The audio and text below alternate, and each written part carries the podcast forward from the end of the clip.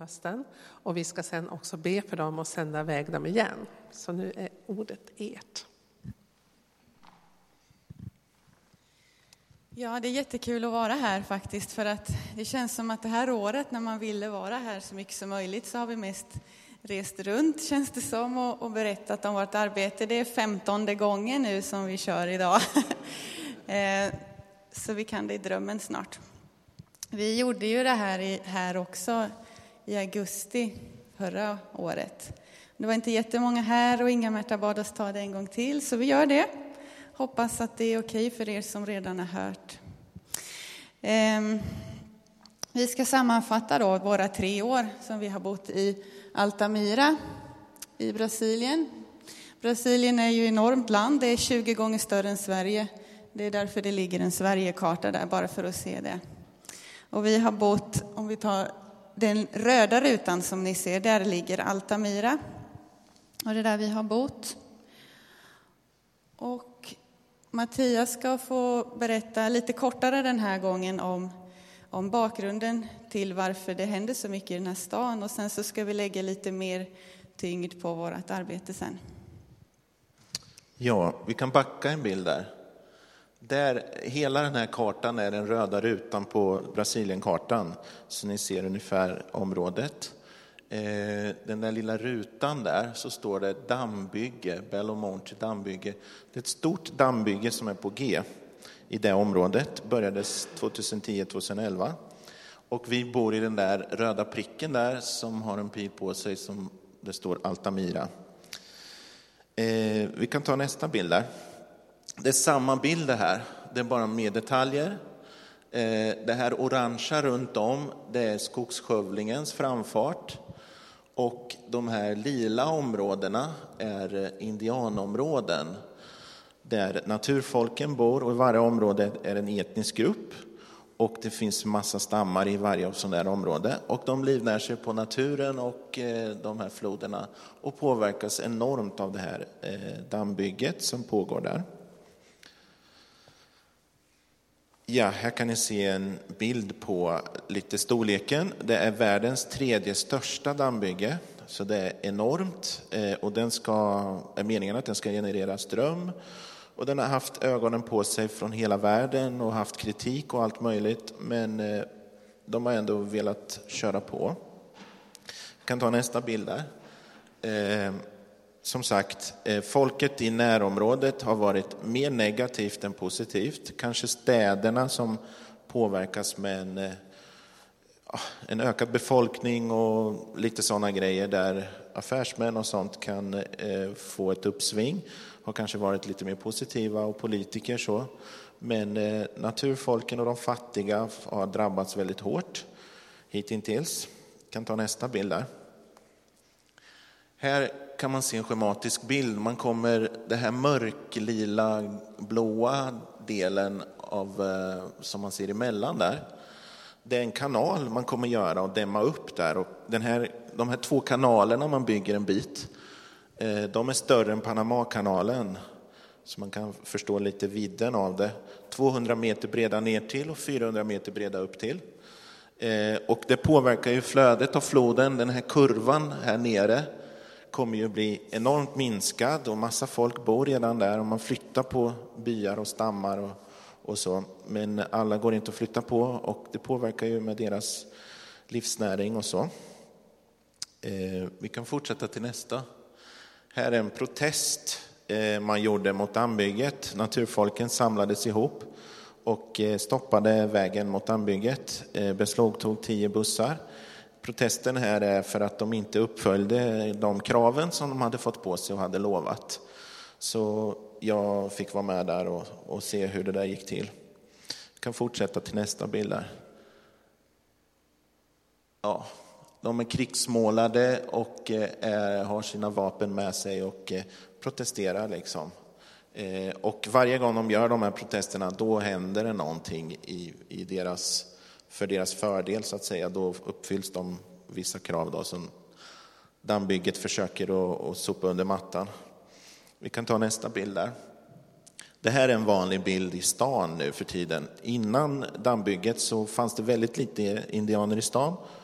Men eh, nu har det ökat enormt eh, i och med dammbygget på grund av att varje stam får resurser, de får pengar, motorbåt och, och många sådana här grejer bara för att liksom gå med på det här. Det är ju del av det avtal och krav man har satt. Eh, och det har ju påverkat oss så att det har kommit in enormt mycket, kanske tiodubblat eh, indianpopulationen in i stan som inte har funnits tidigare. kan fortsätta där. Där ser man, och en sån här bil får varje stam. Eh, och de har ingen körkort och inga försäkringar och inget, eh, ja, inga pengar att laga den med heller. Så jag fick köra runt med den där för att skjutsa dem, bland annat. Eh, vi kan fortsätta med nästa där, då är det en fråga. Vi har ju hört talas mycket om att Sydamerika har en väckelse och att det händer mycket i kyrkan där. Och Eh, Altamira är ju inte ett undantag heller. Det finns många samfund, jag tror det är upp till 12 stycken samfund i en liten stad med, med så stor som Norrköping, kanske befolkningsmässigt. Eh, men eh, ja, varför behövs vi i det här? Det gör vi därför att diskriminationen är enormt hög här i Altamira gentemot minoritetsfolk och vice versa också för den delen. Så sent som in på 1980-talet så har det fortfarande varit krig mellan indianer och vita. Och eh, det är många som fortfarande har minnen från det. Deras farfar har dött under en indianpil och så vidare. Och eh, man ser ner på indianerna. Och detta är även inom kyrkan. Det är ingen, ingen församling av alla dessa i Altamira som vill eh, ta sig an indianerna som har blivit ett stort, ja, eh, stora behov har de nu mera inne i stan. Och eh, man har till och med hört så här, eh, folk fråga, dels har de frågat oss så här, eh, har ni kommit hit för att jobba bara med indianer? De tycker det är jättekonstigt. Församlingsmedlemmarna vill säga, ja det har vi gjort. Jaha, ja. Och någon har frågat, Jo, du, det står ju i Bibeln att Gud skapade människan, men vart står det egentligen att han skapade indianer? En del tycker de är vildar och andra tycker de är apor och så vidare. Och eh, tyvärr även i kyrkan. Så det är vår största uppgift egentligen att peka på att de är människor som alla andra och det är no någonting som den brasilianska kyrkan måste ta sig an. Det som finns av arbete bland indianer det är bibelöversättning och då är det inhem inhemska missionärer som har kommit från bland annat São Paulo och Rio och sådär. För ju längre bort ifrån Altamira man kommer, ju mer exotiskt är det med indianer. Men där nära så är det så infekterat. Och de som kommer då, de har jobbat i stammen med att lära sig språket och att översätta Bibeln. Och det är jättebra, det behövs verkligen också. Men det som saknas är ett socialt arbete inne i stan, någonting som knyter an det som redan finns och de behoven som har uppstått i stan för att jättemånga indianer börjar ta sig in till städerna. Så att det är därför vi är där. Men EFK kallar det vi gör för ett pionjärarbete. Och på vilket sätt är det ett pionjärarbete? Jo, eh, Jag kan poängtera att samarbetskyrkan som EFK samarbetar med i Brasilien, SIBI, eh, det är ett samfund som bildades av eh, tidigare Örebromissionen 1912 och haft samarbete länge. De eh, är ju väldigt mycket för ett arbete bland indianer och har ju inte alls den här synen som lokalt sett man har av indianer, även om kunskapen kanske inte är alldeles helt fullständig. Eh, och den samarbetskyrkan tillsammans då med Svenska missionärer har haft ett arbete bland indianer 20-30 år tillbaks. Men nu har det varit liksom eh, inte alls fungerande eller man har inte haft någonting. Man har stöttat en av de här bibelöversättarna de sista åren. Men mer än så har man inte haft någonting. Och eh, i samtal med EFK då man har skrivit liksom dokument så här så har man vädjat till den svenska kyrka eller EFK då, eh, om hjälp att starta arbete just för de här naturfolken. Eh, och eh, på så sätt är det liksom att vi bygger på eller börjar på nytt, någonting som har funnits ett tag tillbaka då och återerövra det här. Sen så är det ju så, generellt i Brasilien, så det finns ju indiangrupper över hela landet och de är ju mer eller mindre påverkade av den västerländska kulturen.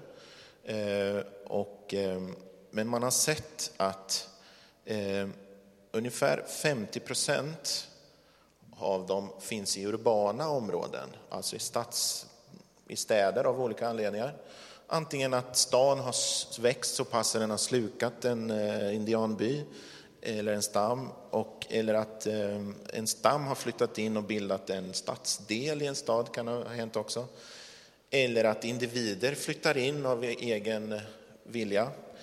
Eh, men det, har, men det som är intressant är att det finns bara projekt i de här byarna ute i, i deras naturliga miljö. Vi är ju väldigt mycket för det också, att det finns projekt bland de här byarna, för det är ju deras naturliga miljö där de kan liksom bevara sin kultur och hela den biten. Men vi får ju inte blunda för de som finns i stan och möter de problem som uppstår med stan eh, när man möts de här olika kulturerna. Så det är också en sak som vi eh, vill jobba med och, starta nytt. Det finns inga, vi har liksom försökt att leta om det finns någon som har gjort det här tidigare så att vi kan ta del av deras erfarenhet, men det existerar inte i hela Brasilien. Eh, sen är det så att, just det, vi har eh, en gång i veckan tillsammans med det här missionärsteamet som eh, mera fokuserar på bibelöversättning som finns där i Altamira, så har vi startat då, i och med att det har kommit så mycket indianer in till stan, så har vi startat möten en gång i veckan eh, där vi samlar ungefär fem till sex olika etniska grupper i samma. Och det är ju jätteolika nivå på hur de pratar portugisiska eller inte. Och de äldre, många av de äldre pratar inget alls.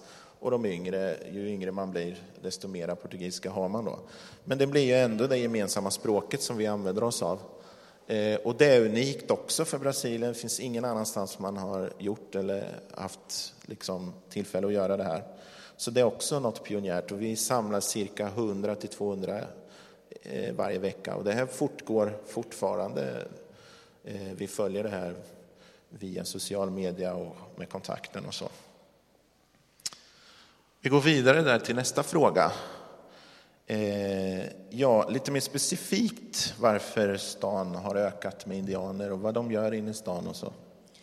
Ja, de, har ju, de kommer in till stan för att dels Eh, ta ut ekonomiska bidrag på banken, en del har rätt till pension och nu med det här bygget så får de ju som sagt andra mutor de kan komma och hämta ut och de får pengar till bensin, de får dyra fina motorer att eh, åka med och sådär. Så att de kommer för att göra sådana ärenden. En del kommer för att söka sjukvård. Och kommer en så kommer alla, för det är så kulturen är. Och eh, de kommer för att köpa mat, bunkrar upp i stora plasttunnor och tar med på båten tillbaka. Eh, sen några få kommer även för att studera. Och då kan det hända att man stannar med sin familj i stan ett år eller två och studerar och sen så tar man med sig den kunskapen till sin stam. Det kan ju handla om sjukvård eller annat.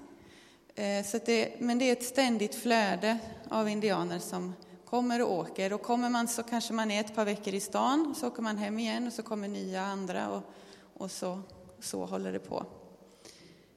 Mm.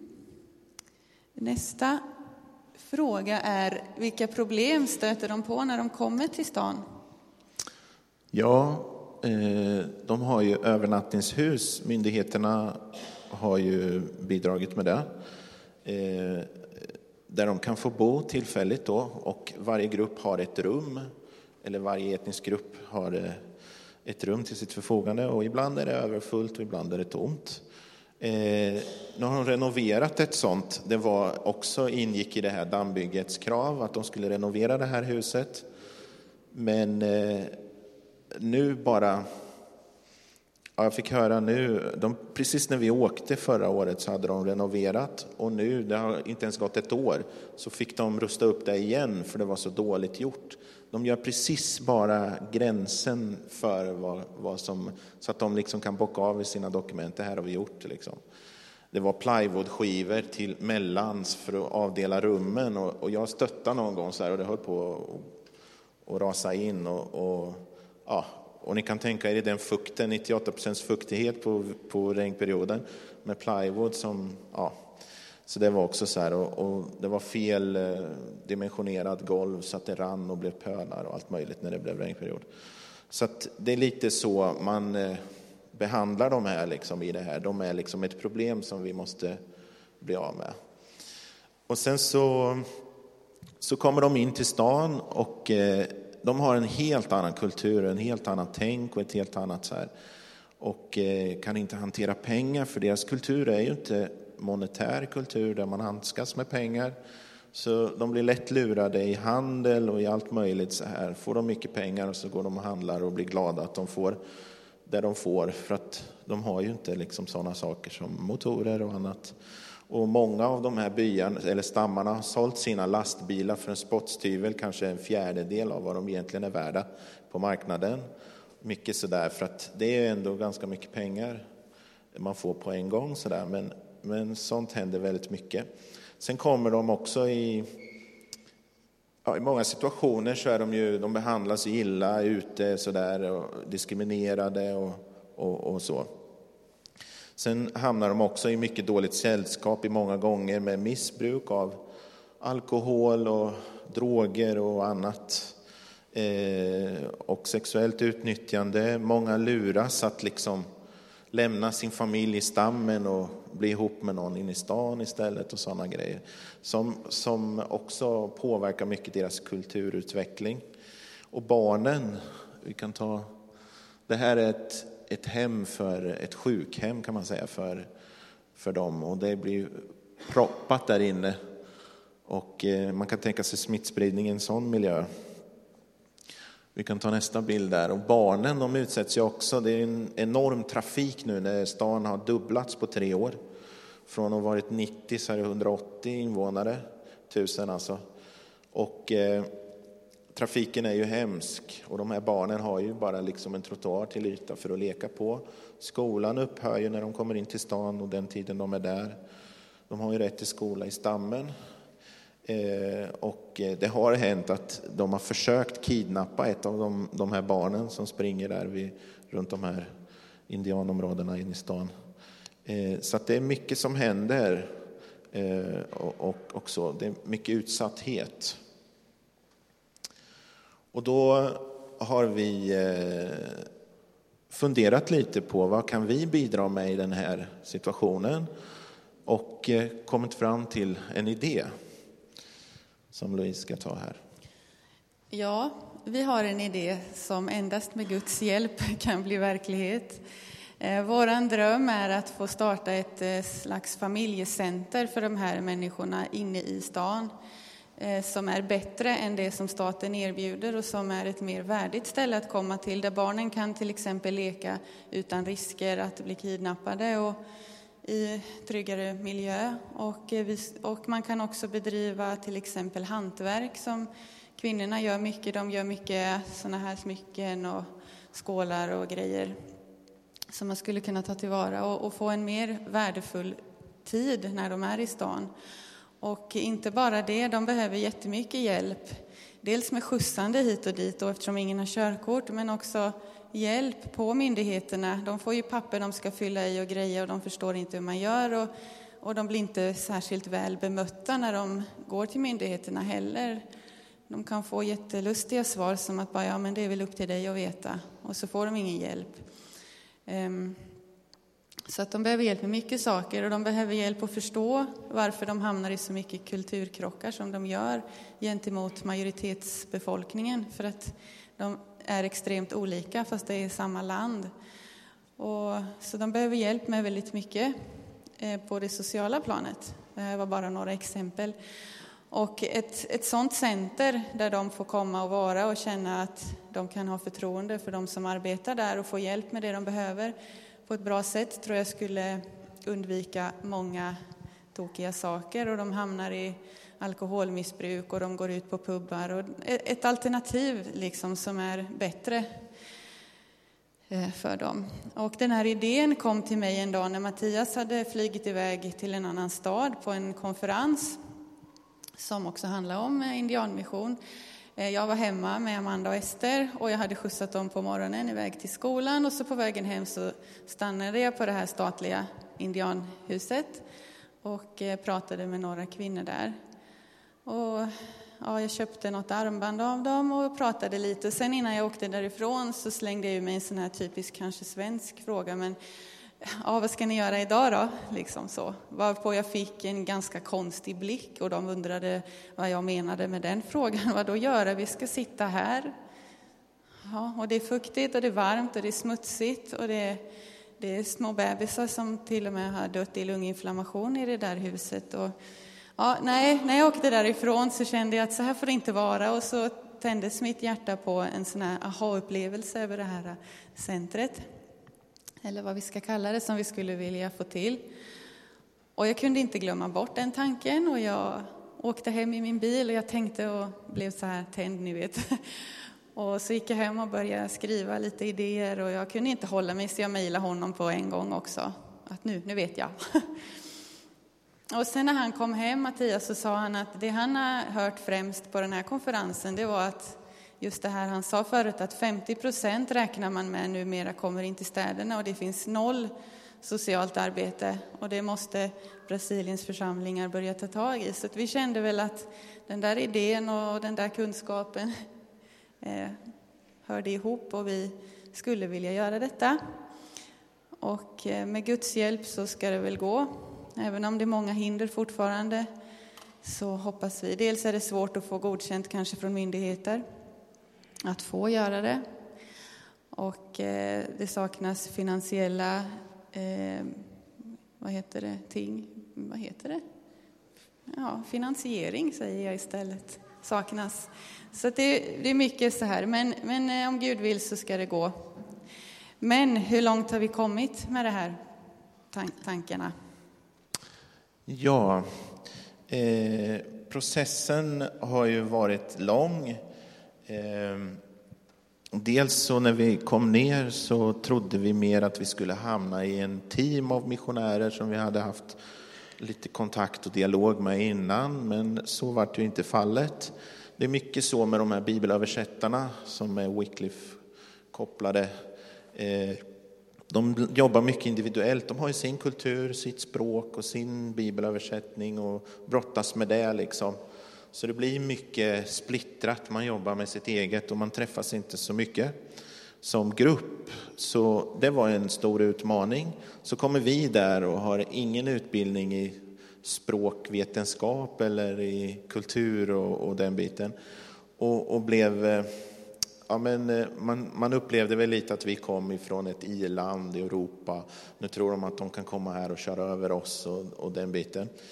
Eh, och, och, det blev lite konflikt sådär. Och vi kommer då kanske med resurser på ett annat sätt genom en organisation när de kanske är mera på eget eh, liksom får hanka sig fram som missionärer på egen hand och, och, och, den biten. Så det var lite jobbigt en period. Men vi satsade på liksom att bli vänner med de här eh, indianfolken. Så vi tänkte liksom, ja men om de vill ha oss kvar här, då är vi kvar. Och det, det var liksom som ett bönesvar verkligen för att det, vi varit väldigt omtyckta. Och vi fick en enorm kärlek till de här folken och eh, ställde upp och hjälpte dem med mycket och så här. Sen tror jag också lite att det kan bero på att det är nog större kulturell skillnad mellan en brasiliansk kultur och indiankulturen än vad det är mellan svensk kultur och indiankulturen. För de är raka i sin kommunikation, det är aldrig något så här, man säger något och menar något annat. Väldigt raka, till och med mycket rakare än svensk kultur. Och sen är de väldigt så här, har de lovat något så håller de. Och det är ju inte brasiliansk kultur. Så att, eh, det, det var mycket sådana konflikter de hade med brassar då. Men, eh, men på något sätt så fick vi en väldigt god kontakt där. Och sen tog vi tag i det här, den här konflikten som hade blivit lite grann med de här missionärerna och på hög nivå liksom med ledning av EFK, ledning av Sibi som backade upp hela situationen och ledning av, eh, av de här eh, Wycliffe-missionärerna. Så samtalade vi och pratade ut och sa vad vi tyckte och upplevde. Och efter det så har det totalt förändrats. Liksom. Det har blivit så en jättehärlig atmosfär och vi är väldigt omtyckta och vi tycker väldigt mycket om dem och vi stöttar varandra på alla sätt och vi pratar om att vi är här för Guds rike och vi ska liksom jobba tillsammans med alla resurser vi har och inte liksom jobba mot varandra så att säga. Och så eh, sista tiden innan vi skulle åka till Sverige så fick vi till en träff eller två träffar egentligen, där vi eh, startade en organisation för det här projektet. Och även de här missionärerna som har funnits där i 25-30 år, de berättar att den här idén är en dröm som de har haft länge. Så nu är de verkligen taggade så här. Och vi startade den här och, och valde en styrelse. Och nu i veckan så har de jobbat med stadgarna för den här Eh, organisationen. Då, så vi håller på tillsammans med dem och arbetar igenom stadgarna. Och det är ett väldigt byråkratiskt land med mycket byråkrati så att det är lite knepigt. Men eh, med Guds hjälp så kommer vi nog vidare där. Och vi är extremt glada. Den här, eh, att, att det blev så här innan vi åkte är vi ju extremt glada. För nu liksom känner vi att vi längtar tillbaka på något sätt. Om det hade, konflikten hade fortsatt och varit, då kanske man, oj, ska vi åka dit och ta tag i det nu liksom på något sätt. Och hela den här flytten har varit fantastisk, det, allt har varit supersmidigt, så vi är fantastiskt glada för det. Eh, jag tar nästa fråga också där, lite om indiankulturer. Vi kan ta första bilden här på den. Eh, det är mycket som skiljer sig åt i de här olika grupperingarna. Vissa av de här kulturerna är mera eh, alltså platt ledarskap och andra kulturer är väldigt ledarskap med en hövding och så här. Men generellt sett för naturfolken i världen så finns det några stråk som man kan ta som kan vara lite gemensamt för de här grupperna. Eh, bland annat så, så är det ju, i Brasilien är det ju ganska starkt det här att den, den stadskulturen, den västerländska världen, de här storstäderna och det är väldigt västerländska och, och är väldigt, liksom, inte särskilt påverkade av, av indiankulturen. Lite, men inte jättemycket. Eh, och indiankulturen har levt väldigt isolerade, så det är ganska stor skillnad mellan de två världarna, så att säga. Och där man kan ta, eh, vi kan ta nästa bild där. De lever ju av naturen och har naturen som sin sin eh, resurs. Och, och liksom det är väl det som har påverkat mycket deras kultur. Till exempel det här tänket med, med konsumism. I naturen så bygger du en korg av ett palmblad, så ruttnar det kanske efter en månad. Ja, men då har du ju nytt, då gör du en ny korg. Och hela tiden det här cykliska tänket, liksom att vi ska, ja, blir det tråkigt eller dåligt, ja, men då gör jag bara en ny. Det här oändliga resurstänket. Och då när de kommer in till stan och använder sig av pengar så märker man tydligt, ja, den här mobilen var inget bra, ja, men då köper jag en ny. Och så hamnar de i avbetalningsskulder och massa sådana saker som är väldigt typiskt att de har tagit med sig det här tänket in till stan. Vi kan ta nästa. Och de lever ju av naturen. Allt är ju natursaker. De jagar och fiskar mycket. Några odlar lite grann. Inte särskilt mycket. Det här cykliska tänket eh, präglar ju också deras tidstänk. Vi tänker oss tiden som linjär, man kan tänka framåt och bakåt, och, men vi tänker oss att tiden hela tiden går framåt. Eh, vi kan tänka oss in i kanske tidsepoker som vi själva aldrig har levt i, 1300-tal, och förstå liksom vidden av skillnaden och framåt. De har jättesvårt för det om man, pratar, om man lär historia med några så här, då kan de blanda ihop alltihopa liksom. Väldigt mycket. Och de har svårt att tänka sig fram i tiden. Om man, vad är ett år? Ja, jag fick ett samtal av en eh, vän via Skype. Eller, ja. Och, eh, han, han liksom sa, men när kommer ni tillbaka? Ni sa ju att ni skulle komma tillbaka. Ja, men det har bara gått ett halvår. Vi sa ett år liksom. Eh, ja, men det har gått länge nu. Ni måste komma tillbaka. Så här. Och det är svårt liksom att förklara då, men det är ett år det ska vara. Och allt präglas ju då av naturen, det är skördetid och såtid och, och regnperiod och torrperiod och, och skör, liksom växt, naturens olika växlingar.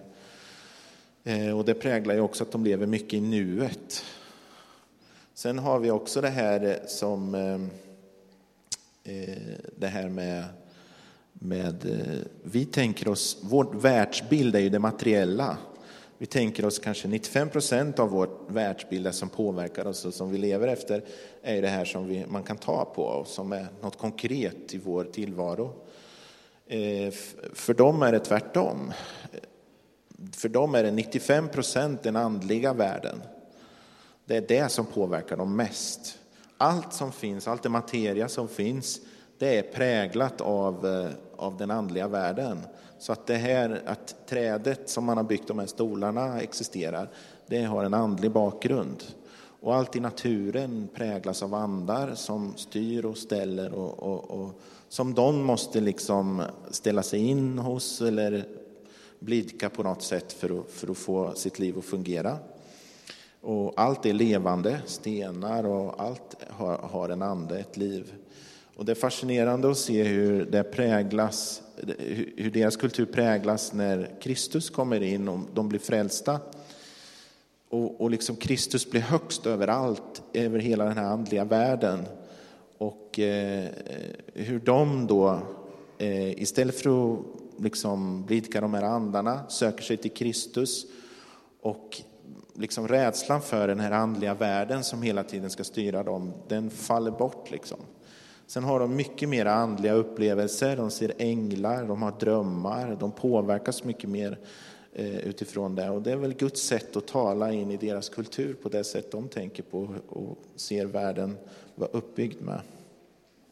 Så det är lite tankar kring kulturen. Eh, vi fortsätter med nästa fråga där. Se om det var någon mer bild emellan. Vad behöver vi tänka på då när vi pratar om evangeliet och Jesus för de här människorna? Ja, om, om vi bara tar första bilden där, ja, det är på våra sådana här möten. Det man får tänka på är väldigt enkel portugisiska och inte prata för länge. Det är lite som att prata med barn.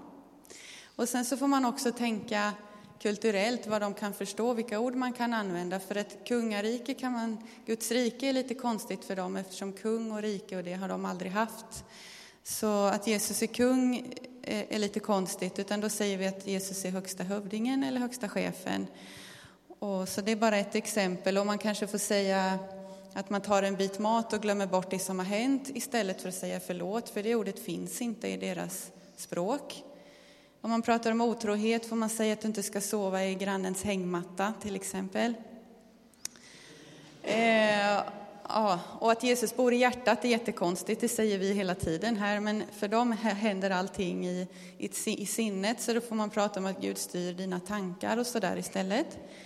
Ehm, vad har vi mer för bild? Vi har den här bilden, det är ett sätt, Mattias flög iväg med fyra indianer från Altamira till ett annat ställe där man har kommit lite längre med det här att Jesus får plats i, även i deras kultur. För att de har lite svårt med det här att förstå att de behöver inte göra om sig för att Jesus ska tycka om dem. De behöver inte ta på sig lackskor och skjorta för att de ska gå till kyrkan, utan de kan vara som de är. Och jag tror vi har en bild på det också, att man kan visst se ut så där i kyrkan. Och det var väldigt, de fick upp ögonen för det, de här som var med, och tyckte det var fantastiskt. Och på nästa bild så har vi också ett sådant exempel. Det, det går jättebra att ha Bibeln under armen sådär, så länge snöret sitter kvar i alla fall. Ehm. Och eh, så. Nästa fråga tror jag är vad vi har gjort i vårt praktiska arbete. För att man kan ju få frågan, hur ser en vanlig dag ut för er? Och det vet inte jag om vi har haft någon.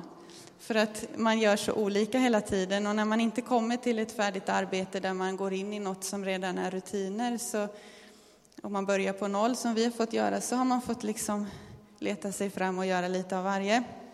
Och på första bilden så är det bara för att visa att vi har hjälpt dem mycket med skjutsande. Det är våran bil där uppe till höger i vårt baksäte. Vi har haft 11 personer i en jätteliten bil. För att som sagt var, fråga hur många som ska ha skjuts är ingen idé för att det är alltid fler. Eh, och på nästa bild så eh, har vi det en handel. De köpte en båtmotor här. För att inte bli lurade och för att de behöver skjuts och, och så vidare så har vi gjort mycket sånt. Och nästa bild är, en, är på när vi har varit på floden och gjort resor till stammen. Vi har gjort några som familj, men Mattias har gjort desto fler ensam. Och på nästa bild så är det Mattias och en man som heter Takunga som blev vår vän och som tyvärr hamnade i sånt här alkoholmissbruk. Och en dag så tog Mattias ut honom på en fisketur en helg och de fick många fina samtal där. Eh, nästa bild visar att vi har bjudit hem, ofta på mat. Och då gör vi rejäla storkok för att man vet inte heller då hur många som kommer. Liksom, vem ingår i familjen egentligen? Det kan ju vara hur många som helst. Och så, men det är viktigt i den kulturen att samlas kring mat. Eh, och eh, nästa bild igen visar en tårta. Eh, det var så att den här första familjen som vi lärde känna, där fyllde mamman år. Och då sa jag att jag kan baka en tårta om du vill. Och det ville hon jättegärna ha.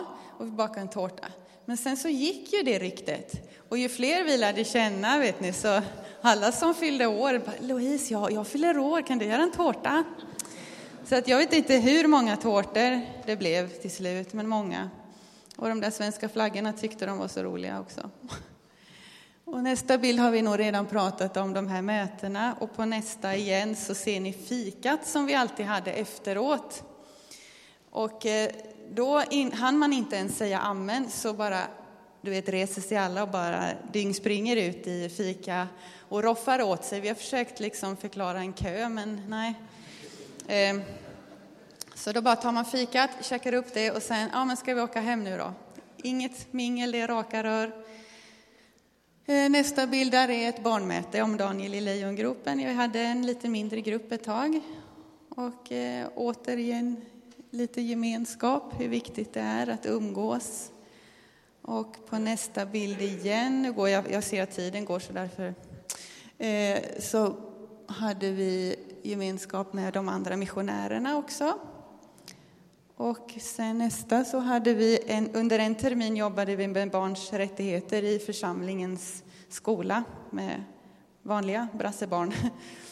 Och på nästa bild så fick Mattias en liten en kurs i eh, att kunna läsa eh, malaria. Han är ju biomedicinsk analytiker och fick möjlighet att lära sig det här. Så får vi se om vi får användning av det i framtiden.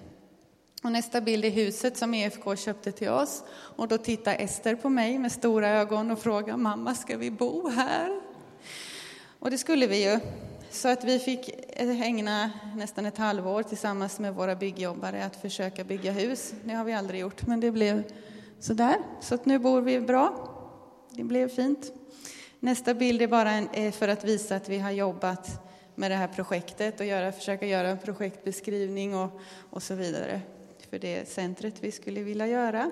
Och på nästa bild är vi tillsammans med en pastor och en missionär på församlingens arbete som vi också har deltagit i. Och eh, säkerhetsklassning. Ni vet kanske redan lite om det. Jag tror Missionsrådet, Mattias, ni har koll va? Att man inte får skriva vårt namn på internet tillsammans med Altamira och missionär och sånt där. För att vi är lite, lite småhemliga. Vi, vi riskerar inte att bli dödade för att vi berättar om Jesus som en del andra länder. Men vi får inte beträda indianmark och berätta om Jesus där och så. Så att det vi riskerar är att bli utvisade och inte få komma tillbaka. Och det vill vi inte. Känn inte rädsla att lägga ut saker, utan kontakta gärna oss så bearbetar vi texten så att den passar bra. För vi förstår att information är väldigt bra för att skapa engagemang och så. Så att prata gärna med oss bara. Mm. Är det något mer kvar? Jonas? Ja, ett tack. Tack för alla era böner och för era ekonomiska, eh, ert ekonomiska stöd. Eh, utan er och alla våra församlingar så hade det förstås inte gått. Det är något vi gör tillsammans. Och här skickar vi bara med lite bönämnen. Att vi får, jag tror att Kjell Bornefelt han jobbar vidare. Han har ett par församlingar tror jag på gång också för att helt täcka vårt underhåll och hoppas att det löser sig. Och att barnen mår bra i våran flytt och allt det här. Och att, och att vårt projekt blir till om det är Guds vilja. Och som ni ser har vi biljetten bokad till den 2 augusti. Så då åker vi. Tack för visat eh, intresse.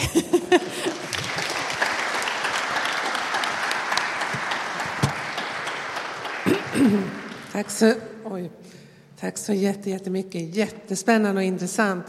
Vi ska alldeles strax be för er, men innan vi gör det så ska vi ge tillfälle att att eh, ta upp en kollekt till församlingens arbete.